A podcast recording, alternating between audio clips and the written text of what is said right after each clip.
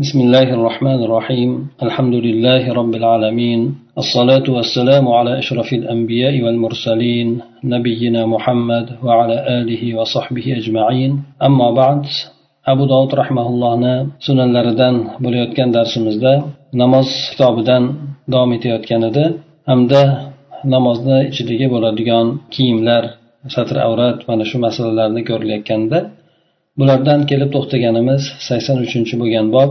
Abu dovud rahmaulloh bu bobga e, babul isbali fi solati ya'ni namozda isbolni e, to'g'risida kelgan hadislarni bobi.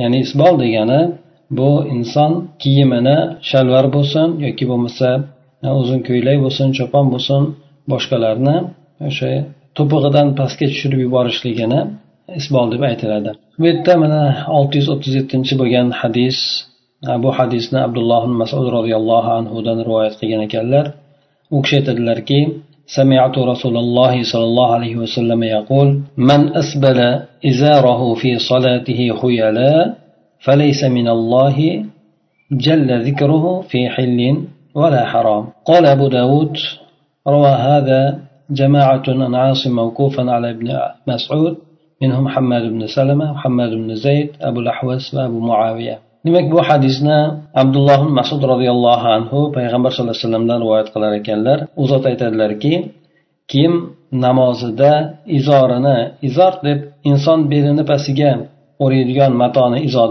izor deb aytiladi agar u bog'lab tikilgan bo'ladigan bo'lsa bu shalvar deyiladi agar mana ehromga o'xshab turib faqat o'raladigan bo'lsa buni izor deyiladi. Namozini ichida o'sha izorini kibr qilgan holatda to'pig'idan pastga tushiradigan bo'lsa bunday bo'lgan kimsa alloh jalla zikruhudan zikri ulug' bo'lgan alloh taolodan hech qanaqangi bir halollikda hamda bir bir ehtiromda bo'lmaydi deb aytgan ekan. Olimlar bu masala bu hadisimizda bir necha masala bor. Avvalo aytadigan bo'lsak isbol to'g'risida isbol aytib o'tdik bu inson kiyimini to'pig'idan pastga tushirib kiyishligi. Bu borada bir qancha hadislar keladi. Ba'zi hadislarda bunday qilishlikni kibrga bog'lagan holatda keladi. Ba'zilarda esa mutlaq suratda indamasdan unaqa sifatni aytmasdan qaydlamasdan keladi. Olimlar bu borada ixtilof qilishgan ya'ni mutlaq kelgan ba'zi hadislar ya'ni kimniki kiyimi pastdan to'pig'i oladigan bo'lsa u do'zaxda degan mazmundagi bo'lgan hadis kabi mutlaq suratda kelgan hech qanaqa qaydlanmasdan mana kibr boshqa narsa bilan qaydlanmasdan kelgan hadislar o'zi holaticha hukmga ega bo'ladimi yoki bo'lmasa ularni kibrlik bo'lgan holatiga qaydlab ana o'sha bilan birgalikda ma'nosini aytiladimi? Bu borada demak olimlarni ixtilofi bor ekan. Qaysi bir olimlar demak buni mutlaq aytilgan so'zlarni qaydlangan hadislar bilan jamlangan holatda tushunadigan olimlar aytishar ekanki demak insonni kiyimini o'zi o'sha to'pig'idan pastga tushib turishligini zarari yo'q. Faqatgina kibr bilan bo'ladigan bo'lsa bu narsa to'g'risida qattiq qaytariq kelgan deb faqat qaytariqni kibr bilan bo'lgan holatiga yo'naltirishadi. Yana bir majmua bo'lgan olimlar xosatan e, muosirlar e, bulardan e, ya'ni ikkala holatni alohida alohida ya'ni kibr bilan bo'lgan holati alohida kibrsiz bo'lgan holatdagisini alohida deb chunki bularni har biriga alohida alohidadan e, jazo aytilgan azob aytilgan yoki uqubat aytilgan vaid qilingan ana o'sha jihatidan bular bir biriga jamlanmaydi balki bular alohida alohida bo'lgan holatida hukmlari alohida bo'ladi deb aytishadi. Ana o'shandan keyingi toifa olimlar bular ya'ni insonni kiyimi to'pig'idan pastga tushadigan bo'lsa u kibr bilan qilgan bo'lsin yo kibrsiz qilgan bo'lsin bu narsa mumkin emas harom deyishadi. Kibr bilan bo'ladigan bo'lsa yana ham haromligi ziyoda bo'ladi deb aytishadi. Demak olimlarni mana bu ikkala masala borasida anchagina bir dalillik bo'lgan ixtilofi bor. Demak kimlardir birinchi aytgan olimlarni e'tiboriga qarab ularni fikrini oladi kimlardir ikkinchi toifadagi olimlarni fikrini oladi. Mana bu hadis sharifimizda esa namoz borasida kelib aytilyapti. Namozda kibr bilan pastga tushirib o'qiydigan bo'lsa odam uqubati demak alloh taolo uni jannatga kirishligi bo'lmaydi. Hamda e, u inson bilan gunohlar o'rtasini to'sishlik yoki bo'lmasa do'zax o'rtasini to'sishlik alloh taolo man qilishligi bo'lmaydi deb aytiladi. Bu yerda fi hillin vala haromin degan e, so'z borasida olimlar bir qancha sharhlarni bir qancha tafsirlarni aytishgan ekan. Bulardan demak eng soddarog'i bo'lmasa eng yaqinroq bo'lgan ma'nosi demak alloh taolo uni hillun ya'ni jannatga tushirishligi ham bo'lmaydi. Yana u insonni o'zi bilan gunohlarni qilishligini o'rtasini to'sishlik ham alloh tomonidan bo'lmaydi degan suratdagi vaid deb aytishadi. Nima bo'lganda ham bunday holatda bo'lishlik inson juda bir xunuk bo'lgan holat katta bo'lgan gunohlardan birisi sanaladi deb aytishadi. Abu dovud rahmaulloh aytadiki bu hadisni bir jamoa olimlar muhaddislar osimdan abdulloh masudni o'zlaridan mavquf bo'lgan holatda ham rivoyat qilishgan deydi. Ya'ni bu hadis abdulloh masuddan mavquf suratda ham rivoyat qilingan ekan hamda u kishidan marfu suratda ham rivoyat qilingan ekan. olti yuz o'ttiz sakkizinchi bo'lgan hadis bu hadisga doif deb mana alboy rahmaulloh ishora qilgan ekan bu hadisni abu hurra roziyallohu anhu rivoyat qiladi u kishi aytadilarki بينما رجل يصلي مسبلا إزاره إذ قال له رسول الله صلى الله عليه وسلم اذهب فتوضأ فذهب فتوضأ ثم جاء ثم قال اذهب فتوضأ فذهب فتوضأ ثم جاء قال له رجل يا رسول الله ما لك أمرته أن يتوضأ ثم سكت عنه قال إنه كان يصلي وهو مسبل نزاره وإن الله جل ذكره لا يقبل صلاة رجل musbilin izarahu abu hurayra roziyallohu anhu aytadilarki bir odam izorini to'pig'idan pastga tushirgan holatda namoz o'qiyotgan paytida payg'ambar sallallohu alayhi vasallam keyin u odamga aytdiki borgin tahorat qilib kelgin dedi borib tahorat qilib kelgin dedi u odam borib tahorat qildi so'ng qaytib keldi yana payg'ambar alayhisalom aytdiki borib tahorat qilgin dedi. U odam yana borib tahorat qildi yana qaytib keldi. Haligi odam keyin aytdiki bir odam payg'ambar alayhisalomga aytdiki rasululloh sizga nima bo'ldiki? Bu odamni tahorat qilishlikka buyuryapsiz ya'ni nima sababdan bu odam tahorat qilishlikka buyuryapsiz deb so'raganda payg'ambar alayhissalom undan bir muddat sukut saqladida keyin aytdiki bu odam izorini to'pig'idan pastga tushirgan holatda namoz o'qiyar edi. Alloh taolo ya'ni zikri ulug' bo'lgan alloh taolo esa izorini quyi qilgan holatda pastga to'pig'idan pastga tushirgan holatda o'qiydigan e, odamni namozini qabul qilmaydi deb aytdilar. Bu hadis demak aytib o'tilgandek e, zaif demak yuqoridagi bo'lgan hadisni o'ziga cheklaniladi. Chunki yuqoridagi bo'lgan hadis ham pastdagi bo'lgan hadisni asosiy mazmunini beradi. Ya'ni namozni ichida turgan holatda inson kibrini yo'qotishligi bu inson namozda turgan paytda juda ham tavozuli bilan kamtarinlik bilan turishligi kerak bo'ladi aslida. Bu inson esa aksi holatda turishligi kibr bilan xuddi qolganlardan o'zini baland tutib yoki alloh taologa o'tkazib qo'ygandek inson o'zini his qilib namoz o'qiydigan bo'lsa bunday bo'lgan odamni uqubati og'ir bo'lishligi yuqorida aytib o'tildi. Mana shundan ba'zi olimlar nimani to'pig'idan pastga kiyimni to'pig'idan pastga tushirishlikni namozga ham bog'lashadi shuning uchun tashqarida yurganda yuraveradi namozga kirayotganda esa oyoq kiyimlarini e, oyog'idagi bo'lgan ya'ni pastki bo'lgan shimini bo'lsin yoki bo'lmasa shalvari bo'lsin yo boshqasini e, shimalab oladi. Mana shu demak hadisga binoan ular shunday qilishadi lekin Э, boshqa bir hadisda shimalashlikdan ham qaytargan hadis bor. U pastda inshaalloh keladi. Lekin bu yerda hadisdagisi qaydlangan o'rni izorini kibr qilgan holatda tushirgan odam borasida lekin pastdagi bo'lgan hadisda mutlaq suratda kibr bilan qaydlanmagan suratda keltirilgan hadis esa doif sanaladi. Shuning uchun inson namozga kirayotgan paytda agar u insonda kibr bo'lgan narsa bo'lmaydigan bo'lsa bunday qilishligida zarari bo'lmaydi. Namoz ichida demak e, shim ko'tarib olishligiga hojat bo'lmaydi. Ba'zi olimlar aytishadiki yana bu kibr bo'lgan narsa payg'ambar alayhisalom davrlarida o'sha kiyimini to'pig'idan pastga tushirishlikda bo'lgan. Ular shunday qilib sudrab yurishgan. Bu narsa kibr alomati bo'lgan ularni davrlarida. Hozir esa bu narsa kibr alomati emas balki paypostlanishlik alomati. Kibr alomati esa boshqa suratlarga o'tgan hozirgi paytda deb avvalgi olimlardan ham hozirgi olimlardan ham ba'zilari shunday deb aytishadi. Demak bu narsa payg'ambar alayhisalom davrlarida o'sha to'pig'idan pastga tushirishlik tushirib yurishlik bu ulardagi bo'lgan kibr alomatlaridan bo'lgan shuning uchun bu narsadan qaytarilgan deb aytishadi. Allohu alam. Hop undan keyin mana sakson to'rtinchi bo'lgan hadis babun fi kam tusallil mar'atu ya'ni ayol kishi qancha kiyimda namoz o'qiydi? Erkak kishi yuqorida aytib o'tildi bitta kiyimda namoz o'qishligi durustmi deganda olimlarni gaplari ham aytildi. Undan keyin hadislarni rivoyatlari ham keltirildi. Inson bitta kiyim bordan boshqa bo'lmaydigan bo'lsa boshqa bo'lishligi afzal bo'ladi. Agar bir dona kiyimi bo'ladigan bo'lsa keng bo'ladigan bo'lsa tepadan bog'lab chalkash qilib turib ya'ni x qilgan holatda tepasiga yelkasini tepasiga bo'yniga bog'lab olishlik kerak bo'ladi. Agar torroq bo'ladigan bo'lsa esa pastdan kindigidan boshlab turib pastga qarab turib o'rab olading asosiy satr qilishi kerak bo'lgan avratini bekitishlik e, uchun. Demak endi ayol kishi borasida esa qancha kiyimda o'qiydi? Ayol kishi qancha kiyimda o'qishligi demak bu yerda hadislarni keltiradi lekin hadislar doif hadislar. Mana aytadiki birinchi bo'lgan hadisda olti yuz o'ttiz to'qqizinchi bo'lgan hadis ummu salima onamizdan bo'lgan rivoyat ekan. U kishidan bir ayol kishi so'ragan. ماذا تصلي فيه المرأة من الثياب فقالت تصلي في الخمار والدرع السابغ الذي يغيب ظهور قدميها ummu salama onamizdan bir ayol so'ragan ekan ayol kishi qanchalik kiyimlarda namoz o'qiydi ummu salama onamiz aytgan javob qilib aytgan ekanlarki ayol kishi demak boshiga ro'mol tutib olib hamda qadamlarini oyoqlarini tepa qismlarini bekitadigan to'liq bir kiyimda ko'ylakda namoz o'qiydi degan ekan.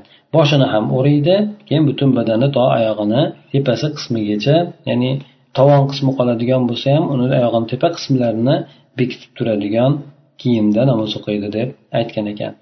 Va bu hadis e, ko'proq e, mavquf bo'lib keladi. Ummu salama onamizni o'zlaridan rivoyat qilinadi. Bu yerda esa roviyni rivoyatchini zaif bo'lganligidan bu hadisni e, bu rivoyatni zaif deb aytilgan bundan keyingi rivoyat ham ayni mana shunday keyingi rivoyat esa payg'ambar sallallohu alayhi vasallamdan rivoyat deb aytiladi ummu salama onamiz aytadilarki سألت النبي صلى الله عليه وسلم أتصلي المرأة في درع وخمار ليس عليها إزار قال إذا كان الدرع سابغا يغطي ظهور قدميها umu salama onamizdan rivoyat qilinadiki u ayol payg'ambar sallallohu alayhi vasallamdan so'ragan ekan ayol kishi bir ko'ylakda hamda ro'molda uni izori bo'lmasdan ya'ni shalvari bo'lmasdan lozimi bo'lmasdan namoz o'qisa bo'laveradimi? Ya'ni ayol kishi to'liq suratda tepasidan bir kiyimni tashlaydida boshini o'rab oladigan bo'lsa shunday o'qisa bo'laveradimi? Ichida na lozimi yoki na bir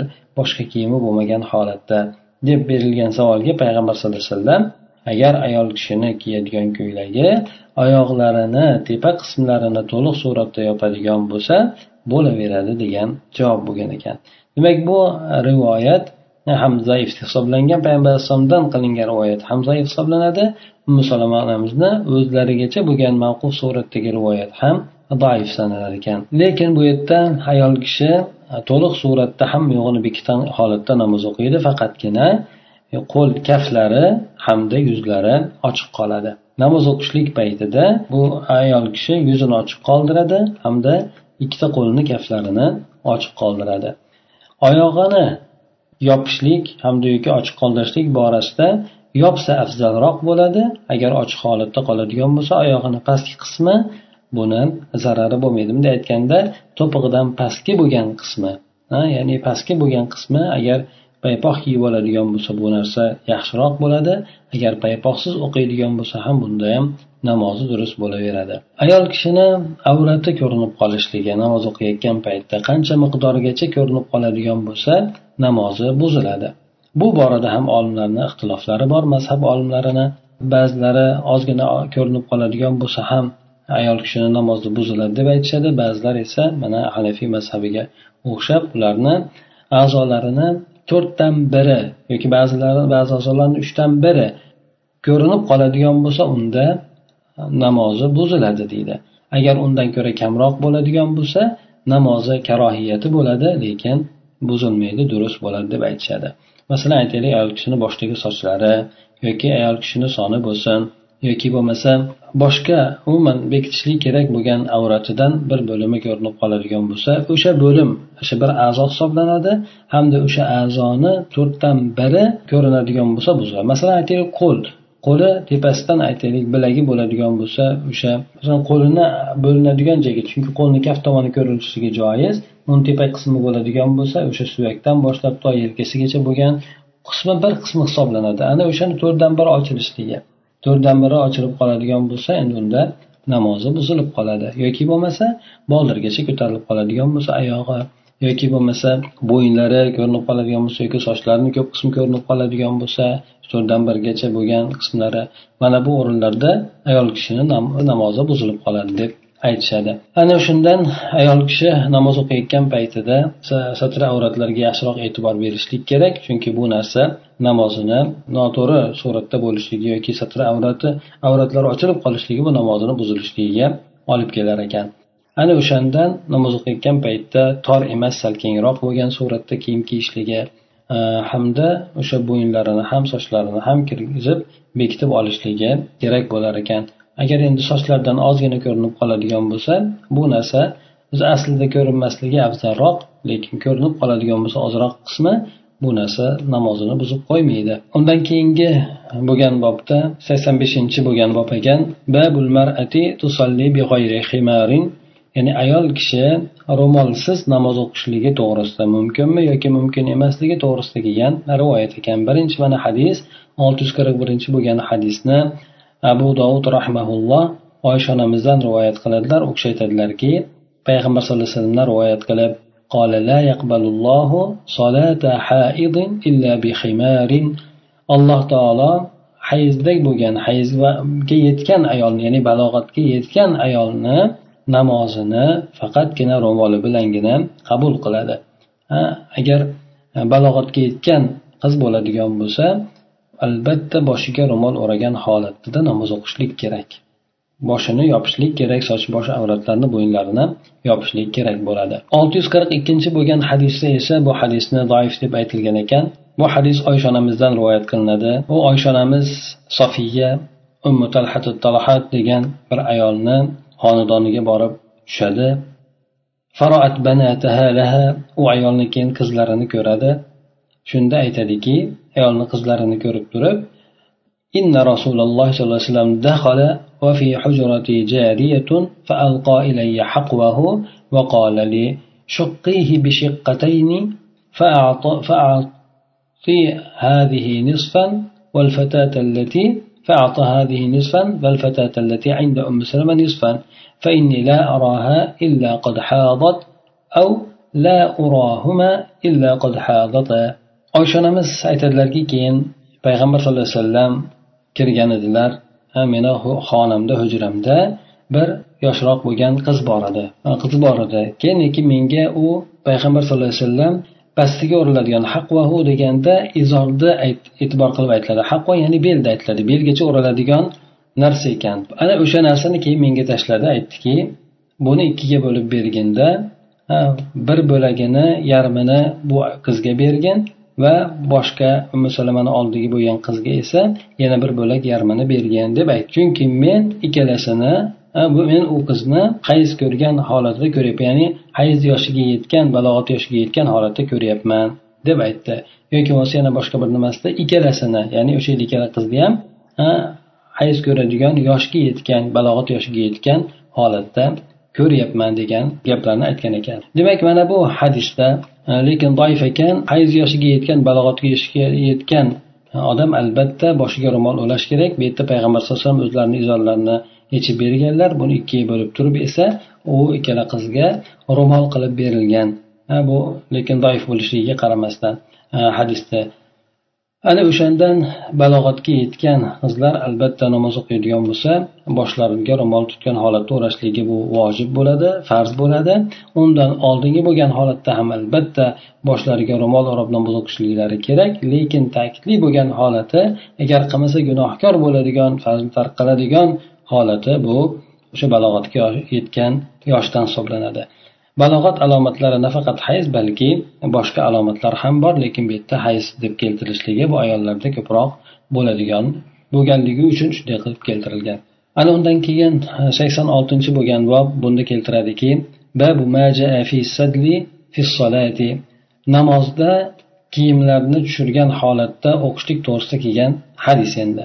Bu shedil deb turib inson tepasidan shunday bir o'z badanini ustiga kiyim kiymasdan badanni o'zini ustiga ichida kiyim bo'lmagan holatida bir narsani shunday tashlab oladida na uni bog'laydi na uni bir izor qilib belidan bog'lab oladi. Shunday agar qattiqroq harakat qiladigan bo'lsa u tushib ketishligi hamda insonni avrati ochilib qolishligi e, mumkin bo'ladi. Mana shunday bo'lgan holatda turib namoz o'qishlik to'g'risida kelgan hadis ekan.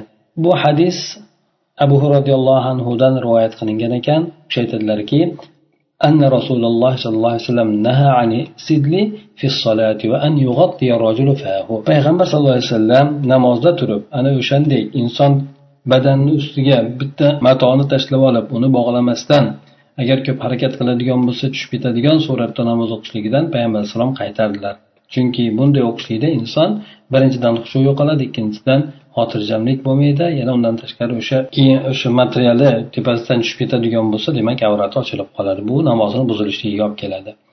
Ana o'shanday turib namoz o'qishdan qaytargan. Endi bu narsani agar ichida insonni kiyim bo'ladigan bo'lsa avratini bekitadigan darajada kiyimi bo'ladigan bo'lsa shalvarimi yoki boshqa bir kiyimlari bo'ladigan bo'lsa unda ustidan bir narsani tashlab olishligini zarari yo'q deyishadi. Bu narsada ham ba'zi olimlarda ixtilof bor ekan ya'ni bu mutlaq suratda qaytarilgan inson tepasidan e, kiyimi kiyimi bo'lsa ham uni tepasidan bitta narsani hech qanaqa bog'lanmasdan shunday narsani tashlab olib turib o'qishligidan qaytargan deganda lekin ko'pchilik olimlar agar insonni ichki tomonida hech qanday kiyimi bo'lmaydigan bo'lsa jasadini ustiga ila jismini ustiga ila shu materialni tashlab olgan bo'lsa bog'lamagan bo'lsa tushib ketishligi ehtimoli bo'ladigan bo'lsa mana shunday o'qishlikdan payg'ambar alayhisalom qaytargan deb aytadilar. Yana ikkinchi qaytargan narsasi payg'ambar alayhissalomni erkak kishi yuzini yopib o'qishligi namozni og'izlarini yopib arablarda bu narsa avval bo'lgan hozirda ham bor bu narsa e, ro'moli bilan yuzlarini yopib olishadi. Ana o'shanday bu narsa ko'proq e, shamol bo'lganda to'zoni boshqa narsa bo'lgan narsa bo'lganda bu narsa ko'p asqotadi foyda qiladi. Lekin namoz o'qiyotgan paytda albatta inson yuz tomonni ochib olishligi kerak bo'ladi deydi olti yuz qirq to'rtinchi bo'lgan hadisda bu maqtu kelyapti ya'ni hadis payg'ambar alayhisalomgacha ko'tarib borilmagan lekin o'rtada uzilgan ibn jurayj aytadiki يصلي سادلا قال أبو داود وهذا يضعف ذلك الحديث ya'ni ibn jurayj aytadiki men atoni ato ibn abi rabohni eng ko'p ko'rgan holatim bu kishi e, ustidan kiyimni osiltirib tushirib olgan holatda namoz o'qiyar edi deb keladi. Abu dovud aytadilarki bu holat ya'ni ota ona qilgan ishi yuqoridagi bo'lgan hadisni zaiflashtiradi deydi. Sababi bu yerda birinchidan ato kelayotgani yuqoridagi hadisni rivoyat qiluvchidir. Ya'ni hadisni rivoyat qiluvchi o'zini qilayotgan rivoyatiga xilof suratda ish qilishligi demak yuqoridagi hadisni sahiy bo'lmaganligini ishorasi deb e, ba'zi olimlar aytishadi. Lekin ba'zilar aytadiki insonni qilayotgani emas balki payg'ambar alayhissalomdan aytilgani e'tibor. Hm? Demak e, bu hadis yuqorida mana hasan darajasida kelgan ekan. Shuning uchun bu kishini qilayotgan holati e, o'zini ijtihodi bilan bo'lgan holati lekin hadis sahih kelgan deb aytishadi. Undan tashqari yana bu hadisni jamlashlik mumkin bo'lgan narsa aytib o'tdik olimlarni yuqorida ixtilofini aytib o'tdik. Bular ba'zilari inson jismini ustidan tovar materialni yoki matoni tashlab olib namoz o'qishligidan payg'ambar alayhisalom qaytargan uni bog'lamagan holatda. Lekin insonni ichida kiyim bo'lgan holatda tepasidan narsani tashlab oladigan bo'lsa ustidan narsani tashlab oladigan bo'lsa chopondimi yoki bo'lmasa aytaylik bog'lamasdan qo'lni kirgizmasdan masalan ba'zilar choponni yelkasiga shunday tashlaydida ichidan qo'lni chiqarib turib haligini kiymagan holatda namoz o'qiydi. Bu ham sidildan bir tur hisoblanadi. Lekin bu odamni ichida kiyimi bo'lganligi uchun bu narsa kibrga dalolat qilmaydigan holat bo'ladigan bo'lsa buni zarari yo'q deyishadi. Ehtimol atoni qilgan ishi ham ichida kiyimi bo'lgan holatda ustidan bir narsani tashlab olgan bo'lishligi mumkin bu mumkin bo'lgan narsa ana o'shandan bu hadis e, hech qanaqangi bu atoni qilayotgan amaliga zid kelmaydi. Ya'ni roviyni o'sha qilayotgan rivoyatiga hech qanaqangi zid kelmaydi deb olimlar aytishadi. olti yuz qirq beshinchi bo'lgan hadis bu hadisda e, abu dovud rahmaulloh aytadiki bu bobni babu solati fi shuuri nisai ayollarni ichki kiyimlarida namoz o'qishlik joizmi yoki joiz emasmi to'g'risidagi bob ekan. olti yuz qirq beshinchi bo'lgan hadis bu hadisda oysha onamizdan rivoyat qilinadi. U kishi aytadilarki kana rasululloh sollallohu alayhi vasallam la yusalli fi shu'urina aw luhufina qola ubaydulloh shakka abi. Oysha onamizni aytgan gaplari payg'ambar sallallohu alayhi vasallam bizni ichki kiyimlarimizda ham biz o'zimiz o'ranib yotadigan choyshablarimizda ham payg'ambar alayhisalom namoz o'qimardilar deb keladi. Demak payg'ambar alayhissalomni bu holatda o'qimaganligini sababi ko'proq ayollarda o'sha ba'zan har xil nimalarni kelishligi suyuqliklarni kelishligi yoki ba'zan hayz yoki boshqa narsalar bo'lganligi uchun ana o'sha narsalar ba'zan najosatga aralashib qolishligi mumkin. O'sha ichki kiyimlari yoki bo'lmasa choyshablari shunda payg'ambar alayhissalom o'qimardilar deydi. Agar endi inson bu narsalar najosatdan xoli bo'ladigan bo'lsa o'qishlik joiz lekin payg'ambar alayhissalom o'zlarini ehtiyot qilib shu narsada o'qimardi ekanlar shuur degani demak ichki kiyimda aytadi ya'ni inson badanni o'ziga kiyadigan kiyimini aytadi. Luhuf deb turib esa bu choyshablarni aytiladi endi. Choyshablar demak o'sha o'raladigan o'tganda o'raladigan kiyimlar mana shu narsalarni payg'ambar alayhisalom namoz o'qimasdi.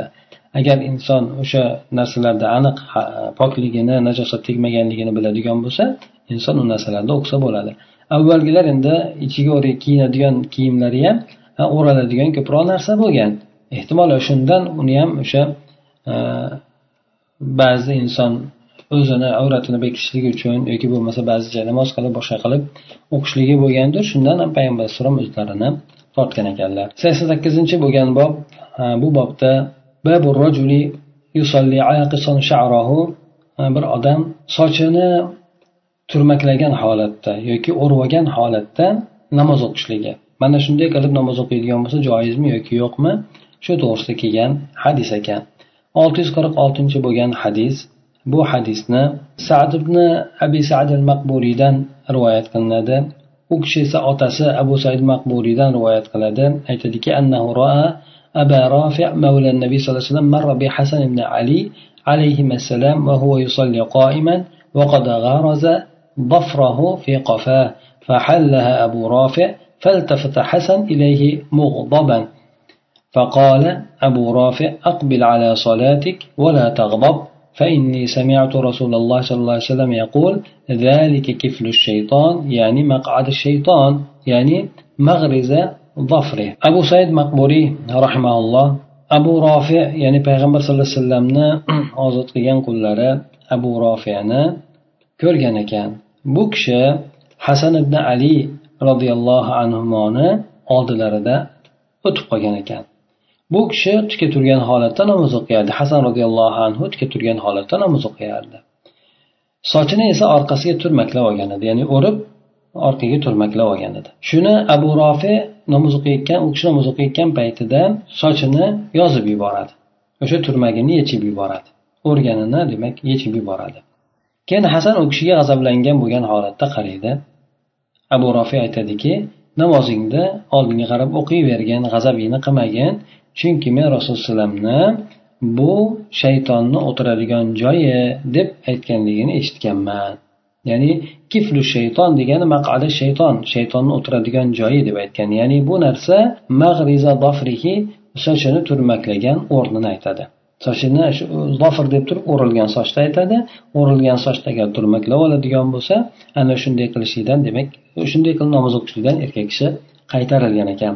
Albatta bu narsa ayollarga xos emas lekin erkaklarga mana shunday qilib qaytarilgan ekan. Bu albatta sochini uzun tutadigan odamlar uzun qilib o'rib oladigan odamlar borasida agar o'rib olgan odam sochini pastga qo'yib yuboradigan bo'lsa boshqa gap yoki tepaga turmaklab oladigan bo'lsa mana bu hadisga tushib qoladi unda. Bu demak makruh bo'lib qoladi. Olti yuz qirq yettinchi bo'lgan hadis bu hadisda ibn abbosni ozod qilgan quli kurayb rivoyat qilib aytadiki أن عبد الله بن عباس رأى عبد الله بن حارث يصلي ورأسه ورأسه معقوس من ورائه فقام وراءه فجعل يحله وأقر له الآخر فلما انصرف أقبل إلى ابن عباس قال ما لك ورأسي؟ قال إني سمعت رسول الله صلى الله عليه وسلم يقول إنما مثل هذا مثل الذي يصلي وهو مكتوب.